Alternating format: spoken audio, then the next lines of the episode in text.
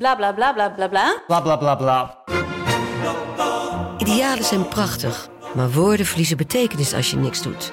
Dus laten we met z'n allen wat minder praten en meer doen. Bij Agmea zijn wij vast begonnen. Zo gaan wij voor minder verkeersslachtoffers, gezonde werknemers en duurzame woningen. Waar ga jij voor? Kijk op www.werkenbijagmea.nl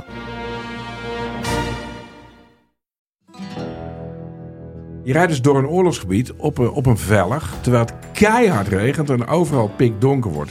Nee, we durven niet te stoppen. Eh, ja, eh, Joep is nooit bang. Joep Vermans, de kamerman, die was nu ook echt bang. Via polymo.nl slash gonzo luister je de eerste 30 dagen gratis naar Polymo. polymo.nl slash gonzo.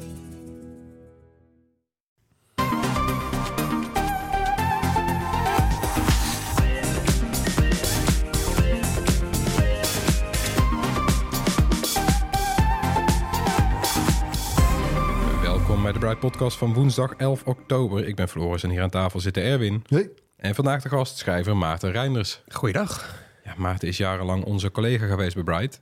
Maar vandaag zit hij hier vanwege zijn nieuwste boek... De hackers die Nederland veranderden. De spannende geschiedenis van Access for All. De geschiedenis van de eerste internetprovider die leest als een jongensboek.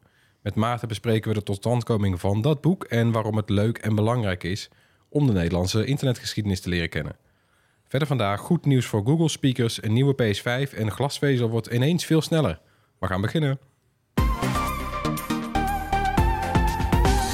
Ja, Maarten, goed dat je er weer eens bent. Ja, ik ben eh, blij om hier eens een keer op dit nieuwe kantoor eh, rond Ja. te kunnen kijken. Ja, leuk, ja. Ja, want je hebt een aantal jaar voor ons gewerkt, maar eh, na Bright ben je naar joop.nl gegaan. Daar ben je nog steeds actief als eindredacteur. Ja. En je bent auteur geworden. In 2016 verscheen je eerste non-fictieboek Complotdenkers. En in 2019, eh, dat was niet de bedoeling.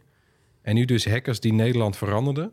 Spannende geschiedenis van Access for All. Om daarmee te beginnen en goed uit te leggen voor onze jongere luisteraars... waarom was Access for All nou zo belangrijk? Nou, ik denk dat dankzij Access for All eh, in Nederland eh, internet eerder publiek toegankelijk werd dan in heel veel andere landen. Eh, zij braken echt die eh, toegang open, want het was tot dat moment eigenlijk eh, voorbehouden internet aan universiteiten, ja, wat bedrijven, wat maatschappelijke organisaties, die hadden allemaal internettoegang. Ehm, eh, maar die hackers van Access for All, die dachten van ja, we moeten het, het moet ook voor de gewone man toegankelijk worden. Die, zijn toen hun eigen internetaanbieder begonnen. Daar zat ook wel een deel eh eigenbelang bij. want nou, twee maanden voordat ze officieel van start gingen, werd in Nederland het hacken verboden. Eh, en eh, ja, een van de redenen om te hacken in die tijd was ook om eh, toegang te krijgen tot internet. Want als je dus niet op de universiteit zat of zo, dan eh, had je geen internettoegang. Want even voor alle duidelijkheid, dus daarvoor, als je dan inbrak bij een of ander netwerk, dat was helemaal niet strafbaar dus. Nee, tot 1 maart 1993 kon je legaal hacken in Nederland. En ehm, Bizar eigenlijk dat dat... Maar dat was gewoon Ja. zo nieuw dat er nog Ja. dat, er stond geen wet. nee, nee, dus eigenlijk zie je dat in 1985 wordt er voor het eerst in de Tweede Kamer nog gesproken over van, eh, goh, moeten we, dat, moeten we daar niet iets Moet aan daar doen? iets mee? Ja, precies. Hè? Want er was voor het eerst dan ingebroken bij het RIVM. Dat was de eerste grote hack die dan eh, veel media-aandacht kreeg. Computerkraak. Precies, hè? Ja. want het hacken, dat woord werd eigenlijk helemaal niet gebruikt aanvankelijk. Dus het heette computerkraken. En ehm, ja, eh, toen daar is gewoon best lang over nagedacht van hoe moeten we dat nou precies doen, zo'n hackverbod. Eh, en eh, ja, die hoogleraar die dat heeft bedacht, die heeft ook met allerlei hackers gesproken en andere hoogleraren die zich daarmee bezig hielden. En dus het heeft best lang geduurd in Nederland voordat hacken verboden werd. In Amerika was al veel eerder strafbaar gesteld. ja, mede onder invloed van wat bekende hacks die daar plaatsvonden. Maar ook de film War Games, hè, die bij veel eh, politici eh, eh, nou ja, tot de nodige angst leiden. Dat, dat is een film uit 1983 eh, waar dus een hacker inbreekt eh, bij Amerikaanse defensie en een kernoorlog bijna veroorzaakt. Eh, nou ja, Goed, iedereen zag dat en dacht, oh jee, dit, eh, dit moeten we niet hebben. Dus daar is toen wel vrij snel... het was toen nog fictie, hè? Of tenminste, ja, fictie. eh, het was een... Ja, het was fictie, ja, fictieve film. Maar het was in, in veel opzichten misschien wel een... eh, eh, waarschuwing. ja, een waarschuwing ook. Om het, gaat ook heel erg over eh, wat AI allemaal kan, mogelijk. Daar werd toen al over nagedacht. En, nou ja, ehm, dus in Nederland heeft het echt heel lang geduurd. En mede ook onder druk van Amerika is dat hekverbod er ook wel gekomen. Want Nederlandse hackers op een gegeven moment wel ook berucht werden in Amerika, omdat ze ook vaak inbraken bij Defensie daar. En uh, zeker tijdens de Golfoorlog in 91 uh, gebeurde dat ook uh, veelvuldig. en toen trok Amerika echt wel aan de bel bij Nederland. Dus dan heb je bijvoorbeeld een uitzending gehad van Achter het Nieuws... waarin een hacker liet zien van hoe hij bij een, een of andere marinebasis in San Diego, geloof ik, aan het inbreken was. En uh, een dag na die uh, uitzending uh, stonden wel twee medewerkers van de Amerikaanse ambassade... die zich niet hem heel duidelijk wilden identificeren op de stoep bij de serie... de Centrale Recherche Informatiedienst, om te zeggen van jullie moeten hier iets aan doen. En ja, bij hackers zelf is ook wel het vermoeden dat er toen gekeken is of er nog andere manieren waren om hen, of, de, de verantwoordelijke hackers bijvoorbeeld uit te, te leveren op basis van een spionagewetgeving. Oh, dus het werd meteen ook wel eng. Ja, ja, ja, ja, zeker. Want die hackers destijds die voelden zich nog zo nou ja, onaantastbaar. Of het was nog zo nieuw dat je gewoon met naam en toenaam zei van... kijk eens, nou, ik zit in de Amerikaanse defensie. Nou, deze hacker die was wel zo slim om zichzelf onherkenbaar in beeld uh, te laten wel. brengen. En uh, ze hebben toen best ook wel moeite gedaan om te achterhalen wie dat nou was. En uh, toen ik hem belde, zei hij meteen, zei hij meteen ja, dat was ik. Uh, dus inmiddels is het natuurlijk allemaal verjaard. verjaard. Ja. En, uh, ja, wordt er niet meer zo zwaar aangetild. Maar er was wel natuurlijk een beetje angst van... ja, je zit wel op het moment dat er een oorlog plaatsvindt... in te breken bij de computers van het machtigste leger van de wereld van dat moment. dus ja, misschien moet je daar een beetje mee oppassen om te zeggen wie je bent. Hey, eh, je boek bestaat eigenlijk uit drie delen. Je begint een beetje bij de, ja, bij de, bij de qua jongens, zeg maar. Eh, met de, met de kat kwaad. En dat wordt, wordt wel steeds serieuzer. En dan gaan we eigenlijk naar het blok toe over hectic. dat, dat, ja, die groep begon zich ook wel zodanig te identificeren, eigenlijk als hackers. Mm en dat is eigenlijk ook weer de groep die achter Access for All zit, toch? Als ik het zo mag ik het zo samenvatten. Ja, zeker. En Access for All heet aanvankelijk ook Hectic Netwerk. Uh, en um, ja, op een gegeven moment hebben ze die naam veranderd. Ze hadden altijd al wel een computer waar je kon in, inbellen. Uh, die accessful.hectic.nl uh, heette. Um, um, maar, maar dat soort details weet je natuurlijk nu allemaal. ja, ja, ja, ja, precies. Ja. En, maar op een gegeven moment trad er ook een directeur aan, want het was ook niet echt het geval daarvoor. En die, die had ook veel geld uh, in uh, die provider gestoken. En die dacht ook wel van ja, um, Hectic schrok ook echt wel klanten af. Hè? Dus alle zakelijke gebruikers die wilden dan toch liever niet geassocieerd worden met hackers. Dus toen hebben ze ook bedacht van ja, we moeten het Hectic, uh, Accessful gaan noemen. Ja. Hey, en, en zou ik ook mogen zeggen dat, dat, want dat is voor een groot deel, er zijn natuurlijk wisselende gezichten. Je stelt ze ook allemaal voor aan het begin van je boek. Eh, de hoofdpersonen. Eh, maar het is toch, er zit een, het is een soort homogene groep die, die zich eigenlijk ontwikkelt. Eh, en dan uiteindelijk Access for opricht. Maar het is een groep die de hele tijd strijdt voor de privacy van particuliere informatie en de openheid van publieke informatie. Ja. Is dat, is dat de rode draad? Ja, ik denk wel dat dat hebben ze ook heel erg overgenomen uit Duitsland, waar je al langer de Graas Computerclub had. Die had ook zo'n slogan. Uh, uh, öffentliche Daten nutzen, private Daten schützen. Uh, Ruimt ook lekker, ja, ja. precies. Uh, dus inderdaad, uh, ze wilden... nou ja, had op dat moment natuurlijk heel veel informatie die wel publiek was, maar heel moeilijk toegankelijk. Hè. Dus bijvoorbeeld, je kon destijds al wel naar een heel duur telefoonnummer bellen en dan de digitale handelingen bijvoorbeeld van de Tweede Kamer opvragen of downloaden. maar dat kostte gewoon, weet ik veel, 100 euro per uur of zo om daarmee naartoe te bellen. En dat maakt het natuurlijk voor uh, ja, gewone mensen of uh, weet ik veel, een milieuorganisatie of wat dan ook, gewoon een hele kostbare zaak. Terwijl, nou ja, alle grote bedrijven die, die konden daar wel gebruik van maken. Dus ze wilden heel erg die, die machtsongelijkheid ja, daar iets aan doen. Onder meer door nou ja, al dit soort informatie gratis en voor iedereen toegankelijk te maken. Waren daarin vooruitstrevend eigenlijk, wereldwijd gezien? Um, uh, nou ja, goed, je ziet denk ik wel... in Amerika heb je denk ik een langere traditie... waarbij uh, nou ja, overheidsinformatie publiek toegankelijk moet zijn. Mm -hmm. en dat daar ook nou ja, dat daar al bijvoorbeeld veel langer over wordt nagedacht. Dus in die zin denk ik ook dat ze het een beetje dat gaat bijna weer terug tot de hippies eh, soort. Ja, ja nee, dat is. jaren ja, 60. Ja, ja, nee, dat is uh, zeker uh, speelt dat een rol. En je hebt natuurlijk ook in Europa wel een aantal landen. De Zweden is denk ik een belangrijk voorbeeld, hè, waar je waar altijd goed wordt nagedacht over van nou, je moet zoveel mogelijk overheidsinformatie aan zoveel mogelijk mensen ter beschikking stellen.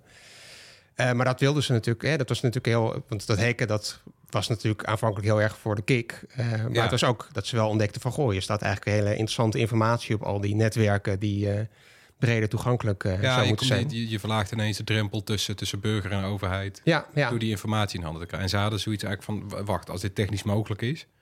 dan is het moreel gezien ook ja, ja. Nee, dus eh, goed om dat te doen. ja, denk ik heel erg de emancipatie van de burger. Hè? Of dat, Ja. eh, het idee ook van ja, als je mensen beter informeert... dan eh, kunnen ze ook betere beslissingen nemen. Zijn ze, zijn ze dan ook geslaagd in die missie, zou je zeggen? Of hebben ze daar, hebben ze daar in Nederland het klimaat wel eh grondig beïnvloed? Of, of Ja, nou ja, ik denk wel dat op dit moment is natuurlijk heel veel informatie, eh, inderdaad, eh, die vroeger heel moeilijk toegankelijk was, wel voor iedereen beschikbaar, heel makkelijk. Hè? Dus je kunt ook makkelijk meekijken natuurlijk met wat er bijvoorbeeld in de Tweede Kamer gebeurt. Of eh, nou ja, van alle, allerlei informatie natuurlijk het eenvoudig. is normaler geworden? Ja, ja, ja, zeker. En dat is ook, dat zie je wel in, helemaal in het begin, hè, 1994. Dan richten ze ook een soort van databevrijdingsfront op. Hè. Dus dan gaan ze ook langs bij allerlei instanties om te vragen van... goh, eh, kunnen jullie eh, de informatie die jullie nu toch al hebben, eh, digitaal... kunnen jullie die niet delen op via die nieuwe computernetwerken... die voor iedereen toegankelijk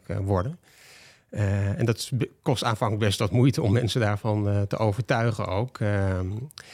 Eh, en je zou, ook, eh, ik denk dat een beetje de teleurstelling voor sommige van die mensen ook wel is van ja, er is heel veel informatie eh, nu toegankelijk. En tegelijkertijd heb je ook een hele gro- grote groep burgers nu misschien die juist valt voor allerlei desinformatie. eh, hè, dus dat, ja. Ja. dat gebeurt eigenlijk. Hè, dus, De keerzijde. van ja, ja, precies. Ja, ja, ja, die natuurlijk ook al in eh, overvloed aanwezig is op internet. Eh, dus ja, dat, in die zin is dat misschien voor sommige mensen een kater. Maar ik denk dat iedereen wel blij is met eh, alle publieke informatie die nu daadwerkelijk beschikbaar is voor iedereen. Is die, maar is die strijd, ehm, is die dan grotendeels ook gestreden? Met, met, met hen destijds misschien als voorvechters, maar... Nou, ik denk dat het nog valt steeds. er nog veel te winnen? Ja, ik denk dat er nog steeds wel eh, heel veel mensen zijn natuurlijk heel erg bezig met. eh, eh, je hebt natuurlijk allerlei informatie van de overheid die niet standaard gedeeld wordt. Hè? Dus nou ja, allerlei interne communicatie over onderwerpen. Hè? Daar heb je nu natuurlijk in, ook Ik in zie omzicht ook vaak genoeg staan met die zwart gelakte ja, papieren in de Tweede. Kamer. En de hoeveelheid WOP-aanvragen, eh, Ja, die, ja. die neemt nog steeds toe. Of wat is het? Ja, nee, dus daar, in die zin heb je nog steeds wel mensen die zeggen van ja, nee, je moet ook dat hele de overheid veel meer zo inrichten dat heel veel dingen veel meer standaard eh, nou ja, klaarstaan om gedeeld te worden. Hmm. En eh, ja, je moet misschien ook weer niet een enorm oerwoud eh, aan eh, hele obscure informatie meteen automatisch willen delen, maar wel dat het veel makkelijker wordt hè, om dat te delen. Want dat zie je natuurlijk nu heel vaak gebeuren dat iemand doet zo'n eh, aanvraag om informatie en dan moet je echt eh, weken, eh, nou ja, en dan heb je nog geluk, Ja, en maanden. vaak maanden wachten tot je, tot, totdat je die informatie krijgt. En ja, dat zou natuurlijk Ja, wel echt veel beter veel kunnen. geld ook verspeeld. Want dan hebben we weer wetten ingevoerd die stellen... nou, er zit een limiet aan... en vanaf dat moment moet de overheid geld gaan betalen. Ja, ja, ja, precies. Ja. Wat de overheid dan ook vaak doet. Er wordt gewoon een hoop geld betaald aan kranten... om ja, die vraag om informatie Ja. waar ze gewoon recht op hebben. En, Ja. ja. Zou je ook nog kunnen zeggen, Maarten, dat, dat eh, mede dus ook de toedoen van, van deze groep hackers, eh, ja, die, die achter Access for All eh, schaal ging, ehm, dat, dat internet daarmee in Nederland ook een hele andere start had. Ik heb in die tijd ook nog een jaar in België gewoond, in, Antwerpen. Nou, dat, ja, dat was daar gewoon een soort ja, telecom-business takje. En het was allemaal heel commercieel. Terwijl hier was de agenda veel cultureler en ja, idealistischer bijna, toch? Of Ja, heb ik dat verkeerd? Nee, nee, nee, dat zegt iedereen, denk ik. Dat het karakter in Nederland eh, van internet gewoon in de begintijd zeker heel anders was. Dat het veel meer werd gezien als een, publieke ruimte. Hè. En ik denk dat je ook een soort van unieke samenkomst had van die hackers en allerlei activisten en kunstenaars. Of, eh, en, en ontwerpers die heel erg bezig waren met ja, hoe, hoe, eh, hoe maak je hier nou een omgeving van waar je niet alleen maar iets komt halen, maar waar je ook eh, actief wat aan bijdraagt. hè. En ik denk dat dat ook heel erg de, Het nieuwe werelddeel werd Ja. het ook wel genoemd ja, hè, ja, destijds. ja van, eh, Hmm. dat het ook heel erg de cultuur was. Van, eh, eh, je komt niet alleen iets halen, maar je, je komt ook wat brengen. En eh, je bouwt samen iets op. En in die zin was het natuurlijk heel anders eh, dan heel veel andere landen... waar het natuurlijk vanaf het begin eh, ja, grote, grote telecomboeren waren... die eh, internet aanboden. En eh, het een hele commerciële dienst was eh, in, eh, in eerste aanleg. Ja. Ja. Hey, wat, ik me, wat ik me ook nog afvroeg. Ja, want ik wil het ook een beetje meer eh, naar het nu trekken natuurlijk. Hè? En eh, in die zin een beetje vanuit hun legacy ook misschien wel. Maar wat, wat ik me dan ook zelf even afvraag. Je hebt natuurlijk al die research nou gedaan voor dat boek. Wat is er van, hè, wat is er van die groep terechtgekomen? Hè, we weten bijvoorbeeld wel uh, directeur Felipe Rodriguez. Die is ja, helaas uh, veel te, op veel te jonge leeftijd overleden. Rob Gongrijp, ook een uh, sleutelfiguur. Die heeft het nog best wel eens uh, wat vaak uitgesproken over stemcomputers bijvoorbeeld. Uh, maar de rest, uh, wat, wat zijn die allemaal rijk geworden met cryptomunten en zo? En vertrokken met de Noorderzon? Of? Nou, een deel is natuurlijk, of een paar van die oprichters van Access for All, die zijn inderdaad rijk geworden. Toen op een gegeven moment in 98 ze het bedrijf aan KPN, de, de grote ja, vijand, hebben ja. verkocht. Uh, dus je hebt, uh, Rob, uh, die woont in Berlijn, dus die is naar het buitenland gegaan. Jacco Lokhorst, ook een, ja, een oud-gediende, beetje de financiële man aanvankelijk. Die is ook, zit ook niet meer in Nederland. en ja, je hebt ook wel inderdaad, volgens mij Hanneke Vermeulen heeft best ook een wereldreis gemaakt en zo natuurlijk. maar die werkt nu geloof ik ergens ja, bij een ministerie of ins een inspectie in Den Haag of zo. en die is daar redacteur. En uh, nou ja, die vindt het ook. Uh, die, uh, ja, die beleeft daar weer plezier aan. En je hebt toch Cor Bosman, ook een van de, ja, de technische man. En die heeft nog tot begin dit jaar bij Access for All gewerkt. Dus bijna 30 jaar. Oh, die is echt gewoon meegegaan. Ja, ja en die heeft ja, toch wel een beetje het licht uitgedaan, zou je kunnen zeggen, begin dit jaar. Want Access for All stond natuurlijk al heel lang onder druk binnen KPN. Hè. Ze hebben heel lang een uh, soort van uh, aparte status gehad binnen dat bedrijf. Dat ze heel erg hun eigen beleid konden voeren. Maar ja, daar is... Ons kantoor ook nog echt, dat is een post, toch? Ja, zeker. En, uh, maar daar is steeds meer aan geknabbeld, zou je kunnen zeggen. En ja, nu, de afgelopen jaren werd wel duidelijk dat... Uh, ja, KPN uh, zoveel mogelijk alles gelijk wilde trekken en ja, die, die, die erfenis van Accessful toch wel wilde afbreken. Um, dus nou ja, dus technische mensen hebben nog het allerlaatste dingen overgezet en zo. En nou, die hebben dus begin dit jaar ook de deur achter zich dicht getrokken. dus het is eigenlijk heel, denk ik, divers wat mensen hebben gedaan. Uh, en als je kijkt naar die hackers, die zijn in natuurlijk heel veel wel een beetje op IT of security-achtige plaatsen terechtgekomen. Hè? Dat ze, hè, dus nou ja, een, een van de allereerste. Ze hebben van hun hobby hun werk. Ja, ja, zeker. Ja, ja, ja, ja. En het ook wel met uh, van die mensen die destijds dan uh, ja, op slimme manieren inbraken, die nog steeds wel van dat soort adviezen geven en bedrijven testen van uh, goh, hoe ver kom je? Dus ook wel iemand die bijvoorbeeld dan een tijd lang uh, zich heeft verhuurd als uh, inderdaad zo'n security deskundige. En die dan bijvoorbeeld uh, bij een ziekenhuis werd ingehuurd en dan daar naar binnen liep en een witte jas aantrok. En ging kijken hoe ver die nou kon komen in dat ziekenhuis. Hè. Social engineering. Ja, ja precies. Ja, ja. ja. ja, ja, ja. Um, Want hek is trouwens, hè, misschien goed om het te vertellen, Maarten, maar de, het is natuurlijk niet alleen maar altijd een soort een, wachtwoord raden en zo, hè? En, en kraken. Nee, nee. Het is uh, ja, natuurlijk eigenlijk op een heel andere manier dan normaal naar techniek uh, kijken, zou je kunnen zeggen. Of überhaupt misschien op een andere manier naar de wereld uh, kijken. dus ja, die hackers hebben denk ik heel erg een mentaliteit dat als iedereen nou ja, braaf de handleiding volgt, dat zij eens gaan kijken, nou ja, hoe, wat kun je doen om dit apparaat op te blazen. Ja. Uh, en dat nou, op heel veel terreinen natuurlijk. Um, dus nou ja, Rob Gongrijp, je vertelde het net al even, van die heeft zich ook nog over die stemcomputers uh, uitgesproken. Dus uh, op de een of andere manier heeft hij destijds uh, ook een, de hand weten te leggen op zo'n stemcomputer. En nou, hebben ze gekeken van wat je daar nou precies mee kon. En of je bijvoorbeeld, wat zij dus ontdekte was dat, je hebt, hebt natuurlijk een stemgeheim in Nederland, maar dat je wel, dat er als je met een apparaatje uh, op enige afstand van zo'n stemcomputer ging staan, dat je wel uh, bijvoorbeeld kon zien of iemand op het CDA stemde, omdat er een uh, accent zit op christendemocratisch appel. Oh ja.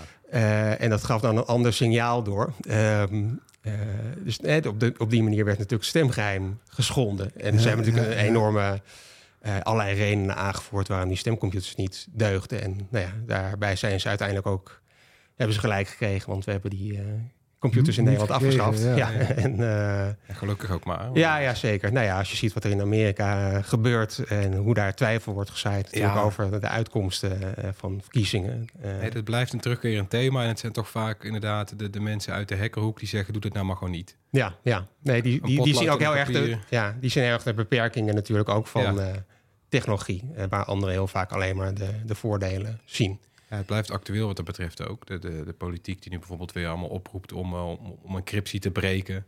Eh, een utopie. Ja, Die zeggen ja. van nou, bouw een achterdeurtje in encryptie. En dan zijn het ook vaak weer de, de, de technici, de hackers die zeggen dat kan niet. A en B moet je niet willen. Maar A kan het ook gewoon helemaal niet. Eh, Nee, dat zie je eigenlijk al. Nou ja, ik, ik weet niet precies wanneer het eerste voorbeeld in mijn boek voorkomt, maar dat je volgens mij al in 1994 of zo, dat inderdaad de eerste minister van Justitie roept van ja, we moeten iets doen aan die encryptie, want dat, eh, dat het is alleen maar voor Dat is boeven. veel te ingewikkeld. ja, ja, ja. En dat, eh, nou ja, allerlei partijen zoals banken, die eh, slagen er dan gelukkig wel in om nou ja, die minister op andere gedachten te brengen. Dat het toch wel vrij dramatisch zou uitpakken Ja. voor bijvoorbeeld veilige betalingen of überhaupt veilig communicatieverkeer. als je daar nou ja, allerlei achterdeurtjes gaat inbouwen. ja. Eh, maar goed, dat is een soort van eindeloze strijd. Die, en waarschijnlijk over tien jaar wordt er nog steeds, of over twintig jaar nog, wordt er nog steeds voorgesteld om er een achterdeurtje in te bouwen. En eh, eh, ja, dat is denk ik. eh, Nou, ja, tegen die tijd, eh, we hebben net de video van Anna gehad over de quantum computers. ja, dan dan kunnen we is het niet meer dat te kraken. dan is er, nee, ja, nou, dan kun je het niet meer eh, encoderen. Hè? Dan kun je, ja, oh, op die manier. Ja, dan kun je het heel makkelijk. eh, ja, precies. Ja, ja. ja. Ja, dat hou je ook. Hey, want wa- hey, je hebt de, eh, Floris trekt het ook weer even naar het nu. Ehm, het viel me op ehm, over de, de rel nu rond X, voorheen Twitter. Blijft een vervelende naam vinden, maar. Ehm, hoe, lang, hoe lang gaan we dat doen, denk je? Eh, Altijd erbij zeggen voorheen Twitter. Nou, ja. Ja, voor altijd. Eh, ja, ja, voor de paar maanden dat het nog eh relevant dat het nog bestaat. Ja. Ja. Nee, maar natuurlijk nu het conflict in, eh, eh, in Israël eh, en eh, eh, met Hamas. eh, dat eh, verschrikkelijk. Maar de, ja, en er, er verschijnt ontzettend veel disinformatie. Je noemde het ook al even weer meteen. Vooral op X, omdat daar ook alle censuurregels een soort nou, overboord zijn gegooid. Eh, hoe, hoe, als je zo'n boek hebt geschreven en met alle research die je hebt gedaan, hoe kijk jij daar dan naar? Nou ja, wat ik wel heel interessant vind, is dat je in de jaren negentig zie je heel erg, zeker vanuit die hackers, en ik denk dat ik zelf daar ook destijds wel heel erg in geloofde, van het idee van ehm, eh, je moet zoveel mogelijk vrijheid van meningsuiting hebben, want eh, Information wants to be free. Precies, hè? dat was heel erg ook zo'n hackersgeloofsartikel eh, uit die tijd. Ja, ja, Of nou eigenlijk wel nog van daarvoor. Hè? Dat zie je misschien wel met de allereerste hackers die nog met van die enorme machi- machines werkten. Die, ja, waar je hele kamers voor nodig had. Die heel erg informatie deelden. Hè? Want dan hoef, hoef je niet allemaal hetzelfde, het wiel opnieuw uit te vinden. Dat hebben zij, is denk ik heel lang eh, wel een soort van geloofsartikel geweest onder hackers. Eh, en ook het idee van ja, het beste idee komt dan vanzelf wel bovendrijven. Hè? Laat alle ideeën, laat alles maar eh, Mhm. met elkaar botsen, dan komt uiteindelijk wel het beste uit.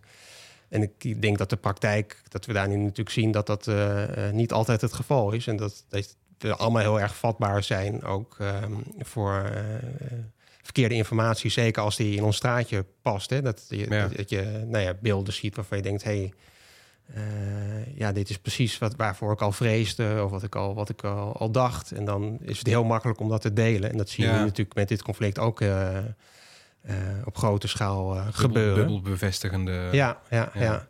En dat zie je ook wel. Dus nou ja, dus, Accessful heeft zich ook heel erg ingezet destijds voor het ja, zoveel mogelijk vrijheid van meningsuiting. En dat is ook eh, in de jaren negentig dan een dankbare tegenstander in de vorm van Scientology, die eh, allerlei informatie over Hmm. eh, die secte onder de pet wilde houden. En nou goed, daar hebben ze allerlei rechtszaken met die club uitgevochten. Want, zo'n B92. ja, ook bij. Zeker, ja. Dus eh, in Servië, ja, toen dat eh, door Milosevic eh, werd gesloten, ehm, ja, werd het uit, gingen die uitzendingen door via Access for All. En dat was voor een groot deel natuurlijk een symbolische maatregel, omdat no- nog niet heel veel mensen in Servië destijds internettoegang ha- hadden. Maar daardoor kwam die informatie ook wel, bereikte de hele wereld. En dat was natuurlijk ook, denk ik, ook belangrijk om zo de ogen gericht te houden op wat eh, Milosevic eh, deed. eh, hè, hoe die de studentenprotesten van die tijd probeerde neer te slaan of de kop in te drukken. Uh, dus in die zin is het ook, uh, was, werd er toen heel erg gezien van ja, het is alleen maar goed voor de democratie als je informatie zoveel mogelijk uh, vrij hebt. Hè, en dat, dat, dat het vrij toegankelijk is. Mhm. Um, Dat bleek niet zaligmakend, nee, kunnen we nee, nu zeggen. nee, dat zie je dus bijvoorbeeld ook met Rob Grongrijp, hè, die ik daarover sprak. Die, ehm, die haalde dan eh, corona aan. Hè, dat hij zegt van ja, eh, ik ben natuurlijk altijd enorm voor de vrijheid van meningsuiting geweest. Maar ik ben er toch ook een beetje in die zin aan gaan twijfelen in hoe ver je daarmee moet gaan. Want ja, op het moment dat mensen eh, een een of andere idioot op YouTube net zo serieus nemen als iemand die tien jaar gestudeerd heeft op coronavirussen, ja, Ja. dan hebben we wel een probleem. Ehm, en dat is denk ik, en, en dat heeft ook natuurlijk enorme gevolgen gehad eh, de afgelopen jaren. Dat was denk ik zijn belangrijkste argument van ja, de, door dat soort desinformatie vallen ook eh, veel doden. En dat zie je natuurlijk, heb je denk ik altijd wel gezien in oorlogen en dergelijke. Dat, dat wordt, het is ook, oorlogen zijn ook altijd informatieoorlogen uiteindelijk, hè, of eh, propagandaoorlogen. Ehm, dus in die zin, ehm, eh, ja, denk ik wel dat veel mensen eh, daar inmiddels een beetje van terug zijn gekomen van het beetje ongeremde hoe- geloof van destijds. Hoe sta je daar zelf in? Hè, Ik bedoel, jij bent ook een beetje een, een kind van, van internet, net als ik. Hè? Ja. We waren een beetje die eerste lichting journalisten. Ehm, hè, dus je hebt ook die hele ontwikkeling doorgemaakt. eh, De halleluja-jaren, de economische zeepbel. Nu een soort de schaduwkanten die we de afgelopen 10, 15 jaar helaas ook zijn gaan ontdekken. Van verslaving tot, tot onveiligheid, tot nou, desinformatie, fake news enzovoort allemaal daarop terugblikken. Toen je zeggen van ja, waren ze er maar niet mee begonnen? Access for All destijds. Had je het willen missen? Nee, ik had het, eh, ik had het niet willen missen. En ehm, ik denk ook wel dat echt wat een voordeel is van, van, die, eh, van het feit dat we nu die, ehm, eh, ja, dat internet hebben opengegooid voor iedereen. Is het ook dat heel veel mensen die vroeger onmogelijk een podium eh, konden krijgen, dat die dat nu wel hebben gekregen. Dus je hebt allerlei groepen eh, in de samenleving, eh, vaak ook natuurlijk groepen die gediscrimineerd werden, eh, die dankzij sociale media bijvoorbeeld, of überhaupt dankzij internet, opeens hun eigen podium hebben kunnen creëren. Mm. Elkaar hebben kunnen vinden. Elkaar hebben kunnen vinden. En dat is denk ik ook eh, inderdaad heel belangrijk. Dat zie je al meteen in het begintijd ook. Hè, dat bijvoorbeeld eh HIV-patiënten in die tijd eh, nou, ja, elkaar opzoeken en informatie delen over nieuwe behandelwijzen waarover gesproken wordt. Eh, nou ja, natuurlijk ook een soort van lotgenoten, contact in die tijd. Ehm, en dat in die zin, het, eh, dat is denk ik echt wel het mooie ook daarvan. Dat, dat, ehm, ja, dat, dat we een veel, kleur, veel, een veel kleuriger eh, publiek debat hebben gekregen. Dat het, ja, er wordt wel gezegd van ja, eh, vroeger hadden we veel meer een cancelcultuur. Hè? Een soort van variant op de cancelcultuur waar nu weer zo over wordt geklaagd. Maar dat, je had altijd gewoon witte mannen die eh, op de kansel stonden en eh, iedereen uitlegde hoe de wereld in elkaar zat Ja. eh, op tv en in de krant. En nu heb je gewoon ja, mensen uit allerlei groepen die eh, dat podium kunnen beklimmen. En dat, dat is denk ik een enorm eh, voordeel geweest, wat we ook niet eh, moeten onderschatten. Ehm, Ja, en daar zit dan het risico dat er dan een paar dingen bij zitten die, die eh, over de rand heen morsen. Ja, dat moet je dan maar voor lief nemen, toch? We moeten andersom niet het kind met het badwater weggooien. Nee, nee. En ja, wat, misschien een beetje tragisch is natuurlijk dat bijvoorbeeld met eh, eh, zeg maar online scheldpartijen en zo natuurlijk die nieuwe groepen ook bovengemiddeld alweer het, het, doelwit worden van dat soort haat.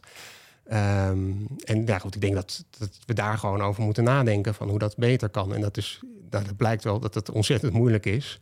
Eh, zeker als je zo'n megalomane figuur als Elon Musk eh, aan het hoofd hebt eh, van het Ja. eh, grootste dorpsplein eh, van de wereld. Eh, maar goed, ehm, Ik las net van de week, of ik hoorde een podcast van de week van de correspondent. Die sprak met eh, die viroloog Marion Koopmans. Juist, dank je. En hè, ook een beetje terugblikkend. En van, eh, en ja, het ging over allerlei dingen. Maar het viel mij op dat, dat een van de dingen die zij echt eigenlijk aanhaalde als van... Ja, wat hebben we nou geleerd? Wat is belangrijk voor de toekomst? Was, ja, hoe gaan we om eh, met, eh, nou even kort door de bocht gezegd, met de wappies? ja, ja, Want, hè, of en in de context van dit verhaal dan, hoe ga je dan om met fake news? Of, het, zijn, het zijn wel pittige problemen. Het Ja. viel me wel op dat in ieder geval zij, die, zo, hè, die echt aan het stuur zat voor een groot deel eh, in die crisistijd in ons land en wereldwijd. Maar dat ze dat eruit pikte, dat ze dat noemde. ja. Nou ja, wat ik denk heel interessant is van... kijk, internet is natuurlijk opgekomen in de jaren negentig. En ook het idee dat het toen heel erg was, ook na de val van de muur, van we moeten zoveel mogelijk vrijheid hebben. Hè, dat, is- daar profiteren we allemaal het meeste van. Past in de tijdsgeest, hè? Past heel erg in de tijdsgeest. En dan zie je ook heel erg hoe je zelf natuurlijk een soort van speelbal bent met je gedachten over hoe de wereld idealiter eruit moet zien van de tijd waarin je leeft. Hè. Dat je denkt, oh ja, inderdaad, eh, veel, zoveel mogelijk vrijheid van meningsuiting op internet. En wat je natuurlijk ook in die tijd ziet, is dat eigenlijk eh, ook natuurlijk vrije markten heel erg eh, ruim baan kregen. En het enige waar nu natuurlijk als een bedrijf wordt overgenomen heel erg naar gekeken wordt, is hoe, wat voor gevolgen heeft dit voor de vrije markt. Hè? Dus eh, bijvoorbeeld als Activision Blizzard door Microsoft wordt overgenomen, Mhm. gaan er twee jaar lang allerlei eh, eh, autoriteiten over de hele wereld kijken. Hè? Is dit, heeft het niet te grote gevolgen voor Ja. nou, gamers, maar ook andere gameproducenten, noem maar op. Hè? Er wordt heel erg een economische analyse gemaakt. En als Elon Musk Twitter overneemt, dan kan dat eigenlijk vrij makkelijk gebeuren, want hij heeft nog niet echt een positie op sociale media gebied. Nee. Terwijl je wel zou kunnen zeggen, het heeft een enorme impact eh, op onze samenleving, Ja. op de democratie.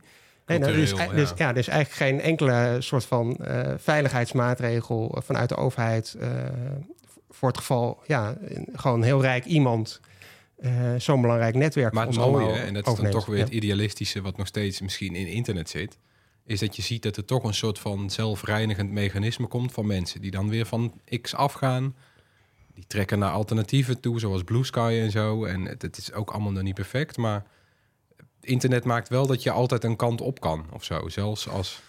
Ja, aan de andere kant, eh, als X voorheen Twitter definitief zou vallen of imploderen, ja, dan hebben we alleen nog alle, eh, alle platforms van die andere gek, Mark Zuckerberg, Ja. over. Bedoel, Ja, hey, lekker dan. Het, het- ja. Nee, dus ja, dat, dat maakt. Hè, dat is natuurlijk ook een beetje het netwerkeffect hè, waar vaak over gesproken Ja. wordt. eh, van ja, een, een platform wordt ook sterk omdat iedereen erop zit. Eh, en in die zin is het natuurlijk lastig. eh, en dat zie je natuurlijk ook bij X, denk ik nu. Van, het is ook moeilijk om er afscheid van te nemen. Hoe graag ik het zelf bijvoorbeeld ook zou willen. Eh, omdat toch eh, voor je dosis nieuws, eh, maar ook ja, gewoon voor je verslaving, blijf je daar toch naar terugkeren en eh, eh, kijken wat, eh, wat daar allemaal gebeurt. En, eh, dus het kost wel enige moeite inderdaad om die alternatieven weer op te bouwen. En dat is denk ik ook wel een verschil met die begintijd. Hè, dat dat nu natuurlijk allemaal, die, die platforms eh, waar we op zitten, zijn heel erg in, in handen van een paar grote bedrijven. En destijds was het ook veel meer natuurlijk ja, eh, eh, een publieke voorziening. Hè. Dus je had allemaal nieuwsgroepen. En die eh, providers konden kiezen om die al dan niet door te geven. Maar het was toch, het was eigenlijk van niemand. Hè. Dus en, en De digitale stad was ook natuurlijk Ja. een soort ja, publieke stichting. dienst. Ja, hè, ja, ja, publieke ja. dienst, ja. Ja, en, ehm, en je had allerlei mailinglijsten natuurlijk, gewoon van particulieren waar op gediscussieerd werd. Dus het was denk ik en veel decentraler dan het, dan het nu is. Hè? Want nu zijn er toch wel een paar grote bedrijven waar we al onze tijd eh, doorbrengen op internet. En ehm, ehm, ja, je had veel meer invloed van eh, nou ja, particulieren of burgers eh, op nou, platforms die er gebruikt werden. Ehm, en die konden ook hun eigen regels daar dan eh, instellen. En dat, zeg maar, dat weet je, die lappendeken maakt het eh, natuurlijk ook ehm, het systeem wel weerbaarder voor eh, of tegen, nou ja, al te megalomane Ja. gekken die. Maar denk je dat we op een of andere manier nog terugkomen naar zo'n situatie? Of is dat... Is dat, is dat Nou, dat zie ik, zie ik niet snel gebeuren. Kijk, zoiets als Mastodon, hè, waar ook zo'n Twitter-alternatief is, natuurlijk Ja. ook wel heel erg opgezet met het idee van we moeten het weer decentraal Ja. maken. We hebben allemaal aparte servers. Maar het is toch ook wel een dienst eh, waar denk ik heel veel mensen eh, na, na een dag enthousiast... op. Nee, precies. Hè, je gaat er een dag naartoe en je denkt, goh, wat leuk. En dan eh, het ga je toch dag later ga je toch maar weer terug naar X. het Dus, is echt eh, sympathiek, maar het is net niet... Ja, we zijn ook verwend. ja, nee, dat is, het, het werkt natuurlijk hè, in die zin. Al die eh, platforms eh, van die miljardenbedrijven, die werken natuurlijk ook over het algemeen perfect. Hè? En die, die, Ja. die zijn ook zo geprogrammeerd dat we heel graag daar naartoe eh, eh, terugkeren. Eh, dus dat maakt het ook wel lastig. Hmm. Ja, dus ik. eh, Waar, waar, waar laten we de luisteraar nu maar achter dan, Maarten? Eh, je hebt het dus voor geen goud willen missen. Je bent toch blij, ondanks alle ja, ook keerzijdes die we hebben ontdekt in de loop der jaren van internet, dat het er is gekomen. Mede dankzij eh, al, hè, die, die, die qua jongens, die, die hackers van, eh van Access for All destijds. Ehm, Ja, nou ja, goed. Wat je ook wel ziet in die tijd, en waar we misschien, misschien naar terug moeten, is dat heel veel van die hackers natuurlijk heel erg kritisch waren op, nou ja, grote partijen van destijds. Hè. Dus Bill Gates was echt wel zo'n eh, kop van jut ook eh, in die tijd. eh, nou, volgens mij Erwin, jij en ik zijn allebei naar Hacking in Progress geweest. En daar stond ook zo'n grafsteen van Bill Gates op het veld eh, ergens. Hè, dus zo geliefd was hij destijds. Dus er werd ook heel kritisch gekeken wel naar, naar mensen met een machtige positie. En, dat, en dat is misschien wel ook een belangrijke erfenis van die Ja, want is, het stokje nog overgenomen eigenlijk, Maarten? Ik bedoel, misschien Bits of Freedom in zekere zin een klein beetje, maar is dat nog actief eigenlijk? Ja, ja, die zijn nog wel actief. Maar het is Ja, natuurlijk wel veel, veel meer versplinterd en inderdaad veel, veel kleiner geworden in, in het geweld. eh, eh, hè, want ja, we zitten natuurlijk, we hebben nu natuurlijk eh, 17 of 18 miljoen mensen zo ongeveer in Nederland op internet zitten. Eh, bij geboorte krijg je natuurlijk al, eh word je daarop aangesloten op de een of andere manier. Ehm, dus ja, de, de, de groep die daar eh, echt kritisch mee bezig is, is natuurlijk best klein. En dat, Ja. ja. ja, dat zou wel weer wat eh, mogen groeien misschien. We zouden wel meer ons druk maken, moeten maken, denk ik, om digitale burgerrechten en eh, ja, hoe we dat zit ook ook- een beetje te denken, Pieter Omzicht komt maar eigenlijk ook een beetje over als een hacker. Nou ja, het is wel iemand die zich heel erg vastbijt in allerlei dingen. En Toch? eh, ja, ja, ja. Nee, ja, dus ik, ik ga, ja. ik ga niet op hem stemmen hoor trouwens, het is geen reclame of zo. Maar eh, goed. eh, nou ja, dus die, die mentaliteit, die hacker mentaliteit inderdaad, dat is, ja, die, die mis ik soms een beetje. Ja, ja, nee, dat is wel ook in de Tweede Kamer. Hè, zie, heb je wel in de loop der tijd gezien dat, dat je af en toe één politicus hebt of zo die een beetje dat, eh, die ook internet snapt of zo. Eh, Ja. Zeker in de begintijd was dat toch best, eh, best een uitdaging voor veel politici. Eh, maar het zijn toch altijd wel een beetje de witte raven. Dus ja, daar zouden we wel meer van kunnen gebruiken. Ja, dan, dan komen we bij het boek. Eh, onze jonge luisteraars vooral, eh, lees dan het boek. Laat je inspireren. Laat die, eh, laat die vlam opkomen voor eh, de hackers die Nederland veranderden. De spannende geschiedenis van Access for All. Eh, ligt in alle boekhandels. Is natuurlijk ook online te koop. Ook als e-book verkrijgbaar. Ga dat lezen. Maarten, bedankt. Nou, graag gedaan. Ja, tijd voor het hoorspel. Dit was het geluid van de vorige aflevering. Ja, een inkoppertje, maar toch kregen we maar weinig goede antwoorden. We hoorden dan ook een heel nieuw apparaat, de Pixel Watch, die op een oplader wordt gelegd. Aha, Ja, voor het eerst in Nederland hè?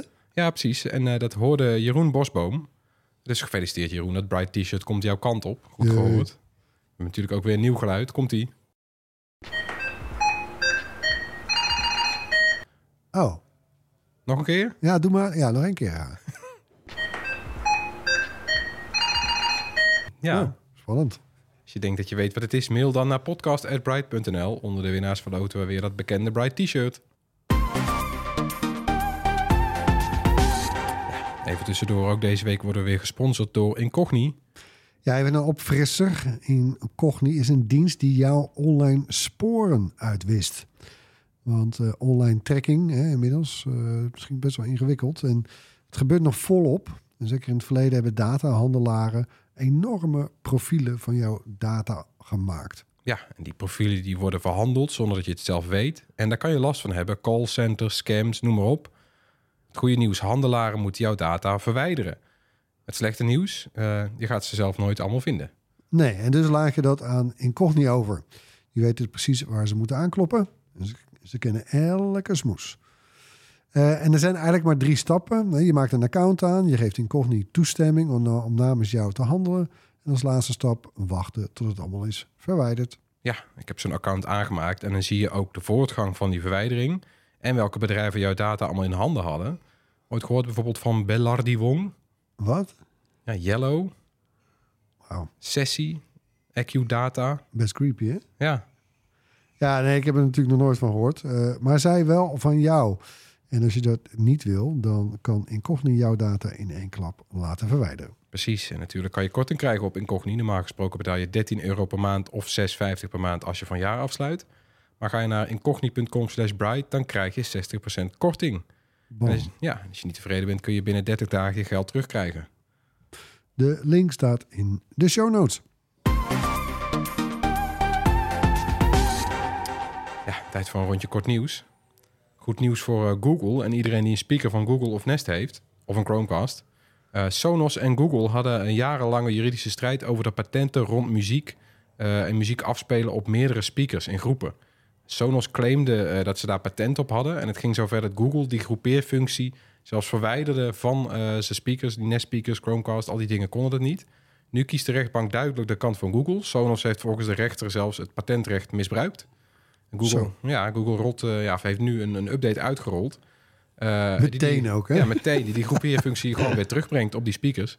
Huh. Eh, ja, dit is wel ongeëvenaard. Sonos die gaat alsnog in beroep. Die zegt Oh. dat ze het er niet mee eens zijn. Maar ja, Dat betekent waarschijnlijk nog niet dat dan de Google-assistent snel terugkeert op Sonos speakers. ook. nee, want die zit er niet op. Dat vinden wij al een kritiekpunt inderdaad. Ja, dit is, dit is wel zo'n uitzonderlijk eh, geval waarin de consument meteen iets merkt van zo'n patentstrijd. Maar meestal is dat een beetje gedoe achter de schermen over geld. Maar Huh. Je opvallend. zou toch, ja, jammer, want je zou kunnen zeggen van nou jongens, eh, hè, eh, zand erover en gewoon eh, leg die boel even bij. Ja, want ik weet niet of Google er iets op tegen heeft. Ik denk het niet, als die assistent gewoon in de speakers wordt gebouwd. Nee, volgens mij niet. Ja, graag, graag toch. Maar dat, ja. daarmee zouden ze wel weer nuttiger worden. Jammer. Nou.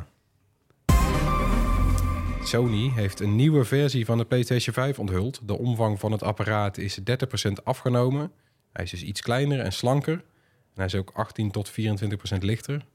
Afhankelijk van met welke PS5 je hem vergelijkt. Het ontwerp lijkt heel erg op het vorige model met opvallende lijnen en zwart en wit.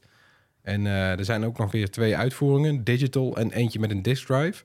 Eh, maar nieuw is dat je nu aan dat digitale model naderhand alsnog een disk drive kan toevoegen. En die kost los 120 euro en die kan je onderop die PS5 klikken. Eh, de nieuwe modellen kosten net zoveel als de oude modellen. 449 euro voor de digital edition en 549 euro voor de versie waar de disk drive al aan vast zit. Waarom, komt, waarom verschijnt het apparaat eigenlijk? Ja, vroeger Was bedoel, die dingen zijn allemaal altijd groot, toch? Zeker die PlayStation. Ja, het is, nou, vroeger was het zo dat die dan vaak iets goedkoper werd ook. Alleen nu zitten we toevallig in tijden van inflatie normaal. Soort van halverwege de levensduur van zo'n spelcomputer. Omdat de technologie efficiënter wordt. eh, kunnen ze de chips met dezelfde kracht kleiner maken. Eh, dus worden ze minder heet. Dus kan die spelcomputer ook kleiner. Maar er zit, er zit geen gigabyte aan, aan, aan opslag of, of eh, geheugen extra in. Nou, volgens mij zit er iets meer opslagruimte in wel. Het is nu een terabyte. Volgens mij was dat 800, eh, nou ja, 800 GB of zo. Het, het scheelt in ieder geval weinig. Nou, word jij er warm van? Nee, dit is eigenlijk dit is vooral voor, voor Sony leuk. Ja, het is voor je, voor je woonkamer misschien leuk dat je een iets kleinere PS5 hebt. Dat is wel een groot ding, hè? Ja, maar ja, vroeger was het zo. Halverwege de, eh, eh, de, halverwege de levensduur van een console verscheen er een kleiner model die goedkoper was voor de fabrikant. Want dan paste er meer op een pallet, dus als je het plat slaat. Eh, dus kunnen ze er in principe een lagere prijs voor vragen. Maar nu zijn tegelijkertijd de prijzen van componenten zo hard gestegen... dat je eigenlijk nog blij mag zijn dat, dat de prijs nu nog gelijk blijft... en dat er niet nog een prijsverhoging bovenop komt. Bij- Want de PS4 was het er ook een slim versie, heette dat Ja, toen, toch? er kwam Ja. toen eh, halverwege de levensduur zo'n beetje kwam de PS4 Slim. Die was dan goedkoper dan de PS4 bij de start. En er kwam ook voor dezelfde prijs, of 50 euro meer of zo, kwam de PS4 Pro uit. Ja, die ik. die krachtiger was. Die heb ik nog. Ja, dat, dat blijft nu uit, die ontwikkeling. Want dat zou gewoon denk ik veel te duur worden als ze dat zouden doen. Ja. Dus dit, eh, dit, dit is het. Hmm. Ja, en er is ineens een eh, strijd losgebarsten rond de snelheid van glasvezel-internet. Voor, Ja. ja. ja, voor consumenten ligt die maximumsnelheid nu vaak op eh 1 gigabyte per seconde up en down. Is al niet slecht. Maar KPN, eh, nee, KPN kondigde maandag eh, aan dat het later deze maand met 4 gbps komt. Voor alle aansluitingen die sinds 2012 zijn aangelegd. En eh, nou, die zeiden... 2021. Of ja, 2021, sorry. En, en een dag later eh, ging Delta er nog eens overheen. Het eh, KPN heeft eigenlijk de, de, winst nooit gehad. piswedstrijd is het Ja. KPN zei we hebben het snelste internet, maar Delta zei nee hoor. We komen een week eerder al met eh 5 gbps. Ja. het is wel waar. Ja, en bij Delta is de prijs nog niet bekend. Bij KPN ga je 15 euro per maand meer betalen voor 4 gbps dan voor dat 1 gbps. Dan kom je op 67,50 per maand. Ja, ik bedoel, eh, waarschijnlijk gaan ze het in no time weer eh, eh, vijf keer achter elkaar verhogen natuurlijk. Maar Hmm. ik vind het eigenlijk niet heel veel duurder voor vier keer zoveel. Nee, want als je het dan nog vergelijkt met. Ziggo, als je bij Ziggo volgens mij het, het duurste abonnement is daar 68 euro. Er zit er wel tv bij. Bij KPN heb je alleen internet, maar dan nog voor 67,50 heb je 4 gbps. Ja. Ja. Ja, hoe vaak gebruik je? het Nou ja, precies. Ik? Ja. heb, ik heb nu 1 gigabit thuis. Eh, nou, eh, ik, ik heb nergens een centje pijn hoor, qua bandbreedte. Nee, En ook gewoon de, de draadloze standaarden blijven eigenlijk nog achter. Want die heb je alleen bedraad iets aan. Of je moet inderdaad een peperdure wifi 7 set kopen. Maar anders dan... eh, Nou, dat zou ik zeker nog niet doen. Nee, dat raad ik ook af. Eh, en het leuke is dat de verbindingen van KPN en Delta... die eh, kunnen technisch gezien al snelheden tot 10 gbps aan. Nu nog niet aangeboden. En met een beetje aanpassingen kunnen die diezelfde lijntjes in de toekomst 25 gbps aan. Nou. We kunnen, hè, internet kan vooruit, Maarten. hoor je het? ik hoor Zo is het. Ja,